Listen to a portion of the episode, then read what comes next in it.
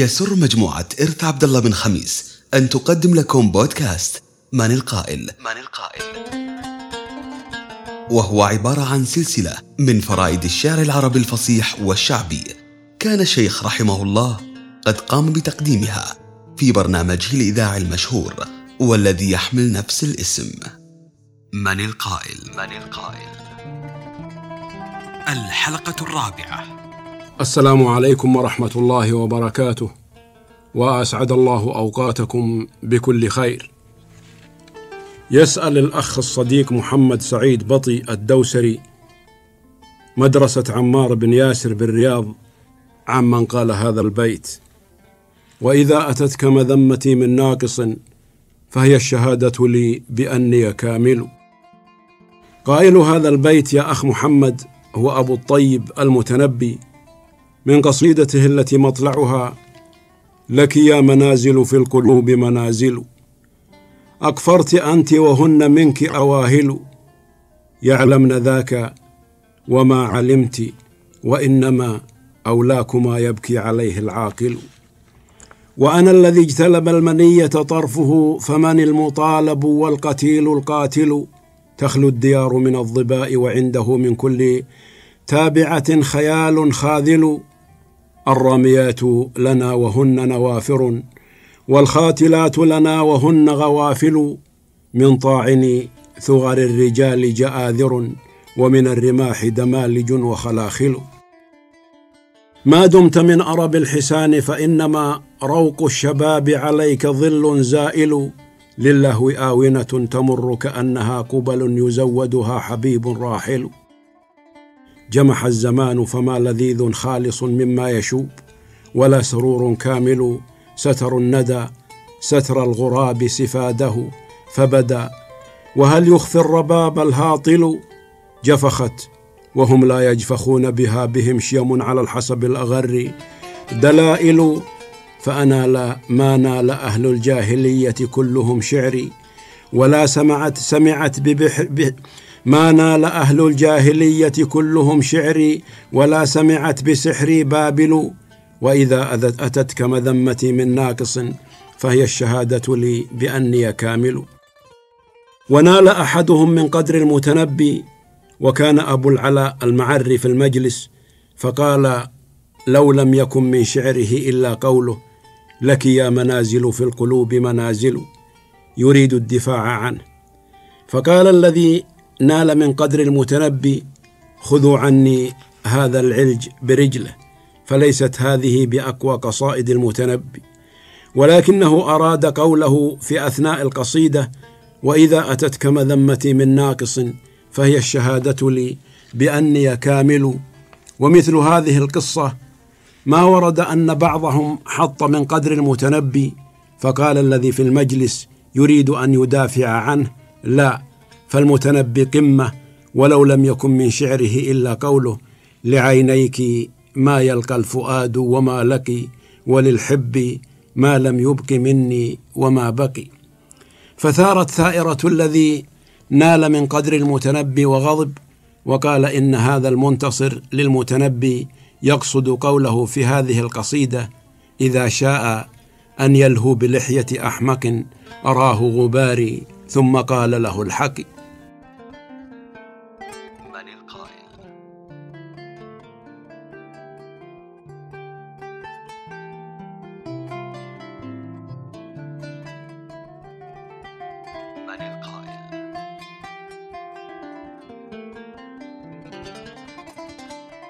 ويسأل كل من محمد ابن عبد الله آل محمد وسليمان آل علي من الأحمدي الكويت مؤسسة آل محمد عن هذه القصيدة التي منها هذا البيت. واسكب اللحن يا حمام ورتل لبست أجمل المطار في ثادق هذا البيت من قصيدة قالها مقدم هذا البرنامج في زيارة صاحب السمو الملك الأمير سلمان بن عبد العزيز لبلدة ثادق ومطلعها. تلك أحلى المنى فقبل وعانق وارشف الراحة من ثغور العواتق واصدحي يا بلابل الأيك نشوى وخدي نحو ربعها يا أيانق واسكب اللحن يا حمام ورتل لبست أجمل المطارف ثادق هزها الشوق فاستحالت طيوبا فصباها من نفحة الورد. عابق. زارها الفضل والنبوغ فأضحت تتهادى في رائق أو شائق. صافحت كفها المنى أين منها. وامق لفه الزمان بوامق. كلها في فم الزمان تحايا كلها الشعر أين منه الرقائق. طأطئ الرأس, طأطئ الرأس يا غرابة شوقا. وأحيل صم الحزون نمارق. وتبجح بعيثران. وردد. نغم الشوق والطلوح البواسق الرؤى حفلا وكانت سرابا. جادها البر فاستحالت صوادق هذه ثادق فزرها حبيبا. واحلل الموق والقلوب الخوافق ذات عهد مع الكفاح قديم يوم فصل القضاء. يوم فصل القضاء لحكم البنادق تشهد الراية الخفوق عليها كلمة الله. بين دهم الفيالق لك منها ذوب القلوب ثناء. ترجمته على اللسان الحقائق.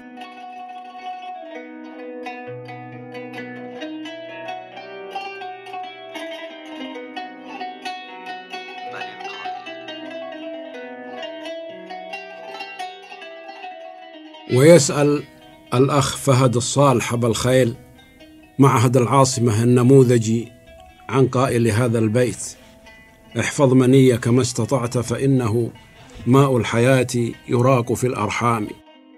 قائل هذا البيت يا أخ فهد هو الإمام ابن سينا وهو من أبيات يقول فيها احفظ أخي وصية من ناصح فالطب معقود بنص كلامي لا تشربن عقيب أكل عاجلا فتقود نفسك للأذى بزمام واجعل طعامك كل يوم مرة واحذر طعاما قبل هضم طعامي واحفظ منيك ما استطعت فإنه ماء الحياة يراق في الأرحام.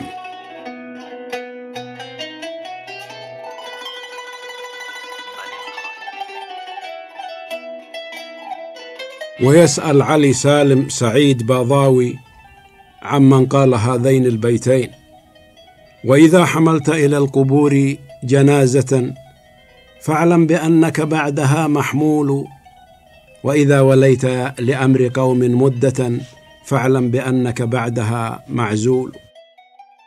جاءت روايتك يا أخ سعيد للبيت الثاني مخالفة للرواية التي لدي ويبدو أن روايتك أصوب فهي تقول وإذا وليت لأمر قوم مدة فاعلم بأنك بعدها معزول. بينما الرواية التي لدي هي هكذا وإذا وليت لأمر قوم مرة فاعلم بأنك بعدها مسؤول. فروايتك أقرب إلى الصواب. وقائل البيت هو القرشي وهذا المعنى تركه الشعراء وتناولوه على أشكال شتى. فيقول ابن المعتز إنا نعزيك لا أن على ثقة من البقاء ولكن سنة الدين فلا المعزي بباق بعد ميته ولا المعز وإن عاش إلى حين. ويقول فما بين موتور وما بين واتر لفصل القضاء إلا ليال قلائل.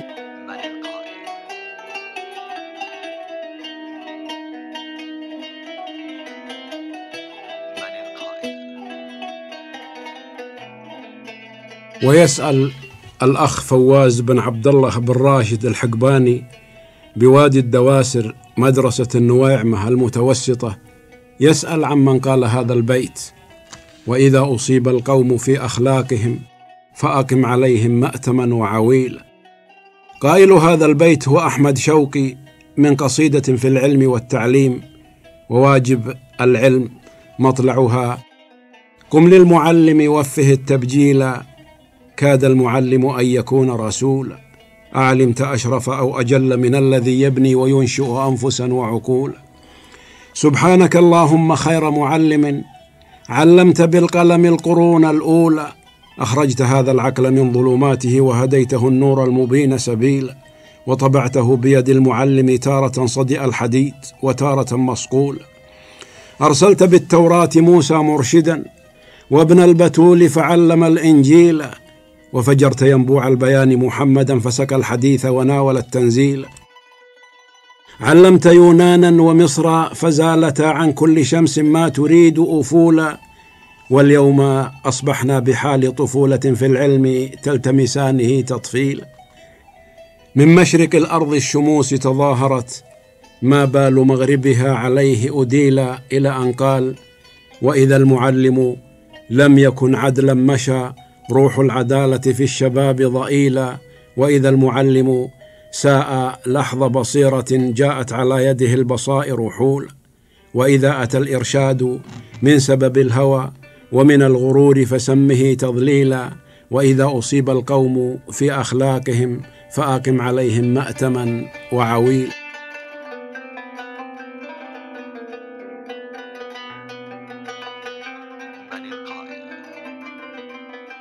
ويسأل الأخوان موسى أحمد أبو الخير وعلي بن حسن حوازي عن قول جرير إن العيون التي في طرفها حور قتلننا ثم لم يحيين قتلانا يقولان إنه هو أغزل بيت قالته العرب فهل هذا صحيح؟ مع أن النقد الحديث يرده ولماذا؟ درج الناس على أن يطلقوا على بعض أبيات لجرير أغزل بيت وأمدح بيت وأهجى بيت إلى اخره والواقع أن هذه مقولة أطلقها من أطلقها وليست من النقد في شيء وليست مبنية على قواعد نقدية صحيحة على أن النقد الصحيح نسبي إذا أخذنا بما درج عليه النقاد في معارفهم ومناهجهم. فقد يرى هذا رايا يخالف الآخر وهكذا. والحكم قبل وبعد لقواعد درجوا عليها وتواطؤوا على تفضيلها وهي وإن كانت مفضلة لديهم وآثيرة عندهم إلا أن الحكم الصحيح للذوق السليم والحس المرهف فهو الذي له الحكم اولا وأخيرا.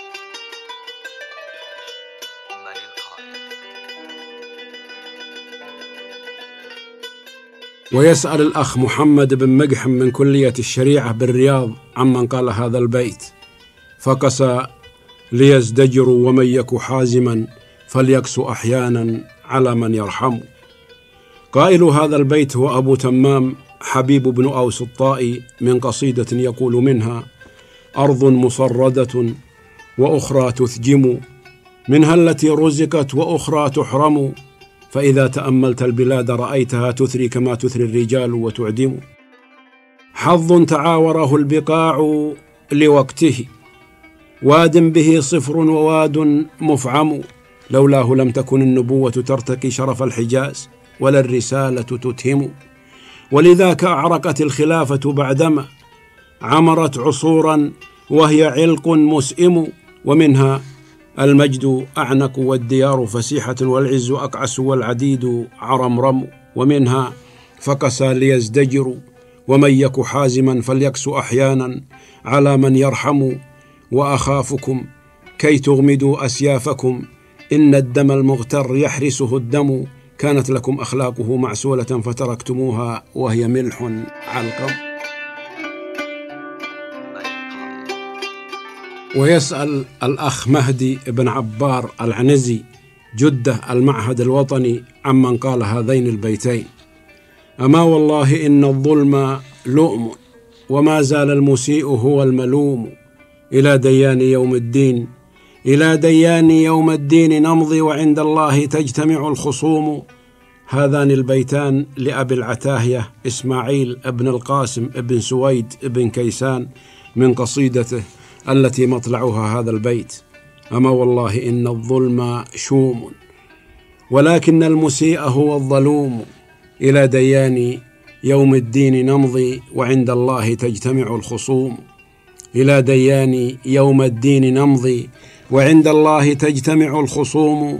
لأمر ما تصرمت الليالي وأمر ما توليت النجوم. ستعلم في الحساب إذا التقينا غدا عند الله من الملوم سينقطع التروح عن أناس من الدنيا وتنقطع الغموم. تلوم على السفاه وأنت فيه أجل سفاهة ممن تلوم. وتلتمس الصلاح بغير علم وإن الصالحين لهم حلوم. تنام ولم تنم عنك المنايا. تنبه للمنية يا نؤوم. تموت غدا وأنت قرير عين من الغفلات. في لجج تعوم. لهوت عن الفناء وأنت تفنى. وما حي على الدنيا يدوم تروم الخلد في دار المنايا وكم قد رام غيرك ما تروم سل الأيام عن أمم تقضت فتخبرك المعالم والرسوم وما تنفك في زمن عقور بقلبك من مخالبه كلوم إذا ما قلت قد رجيت غم فمر تشعبت منه غموم وليس يذل بالإنصاف حي وليس يعز بالغشم الغشوم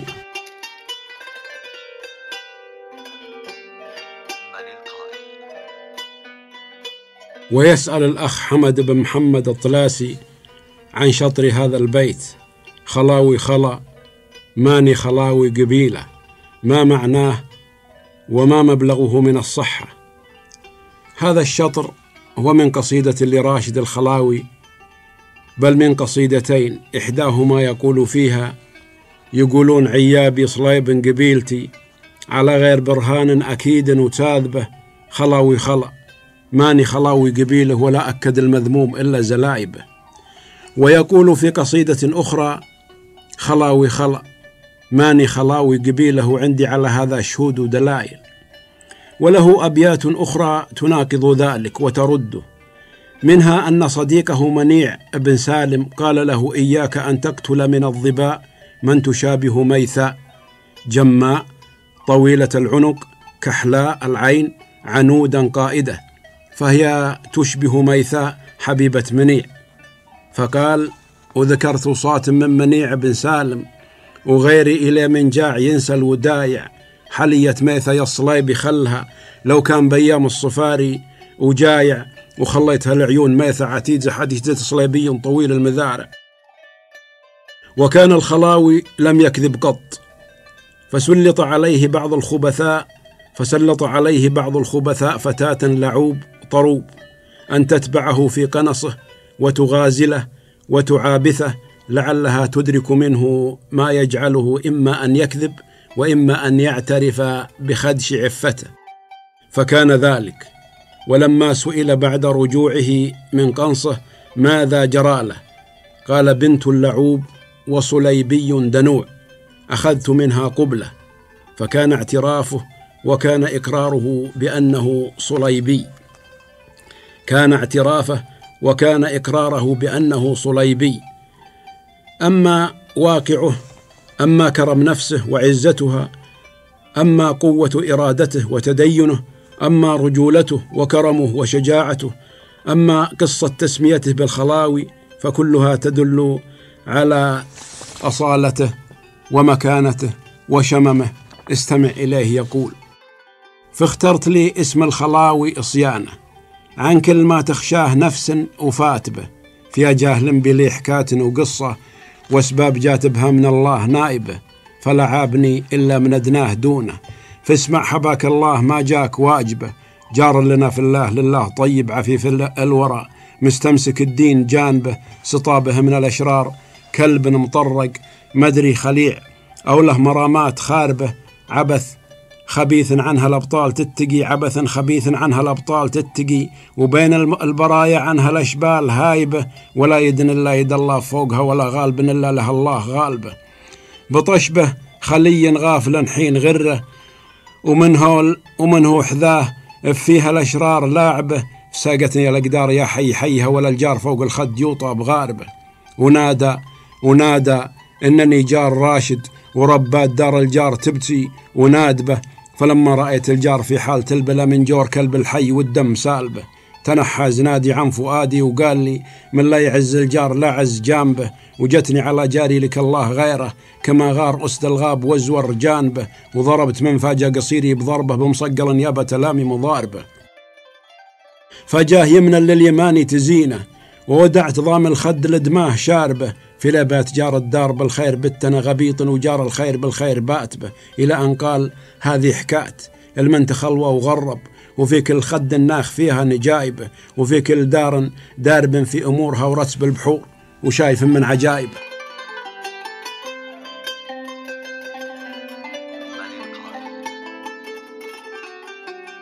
ومن السائل سالم بن قينان البصيص مدرسة بني تغلب المتوسطة بالأفلاج يقول من القائل؟ مني عليكم يا هل العوجة سلام أختص تركي عم عين الحريب. هذا البيت من قصيدة حربية للعوني هو مطلعها وبعده. يا شيخ باح الصبر من طول المقام يا حامي الوندات يا ريف الغريب اضرب اضرب على السايد ولا تخشى ملام العز في القلطات والراي الصليب. لو انت طعت الشور يا الحر القطام ما كان حشت الدار وشقيت الحريب. اترك هل العوجة مدابيس الظلام هم درعك الضافي إلى بر الحريب. اترم هل العوجة مدابيس الظلام هم درعك الضافي إلى بار الصحيب. عينك إلى سهرة عفوا المنام غش لغيرك وانت لك مثل الحليب والله ما يجلى عن السبد الملام. إلا الموارث يوم ياتي له نحيب ومصقلات سنها نور نوض الغمام. بحدودها نفرق حبيب من حبيب لعسكر البارود واحمر الستام وتلافحت بذيالها شهب السبيب. من القائل؟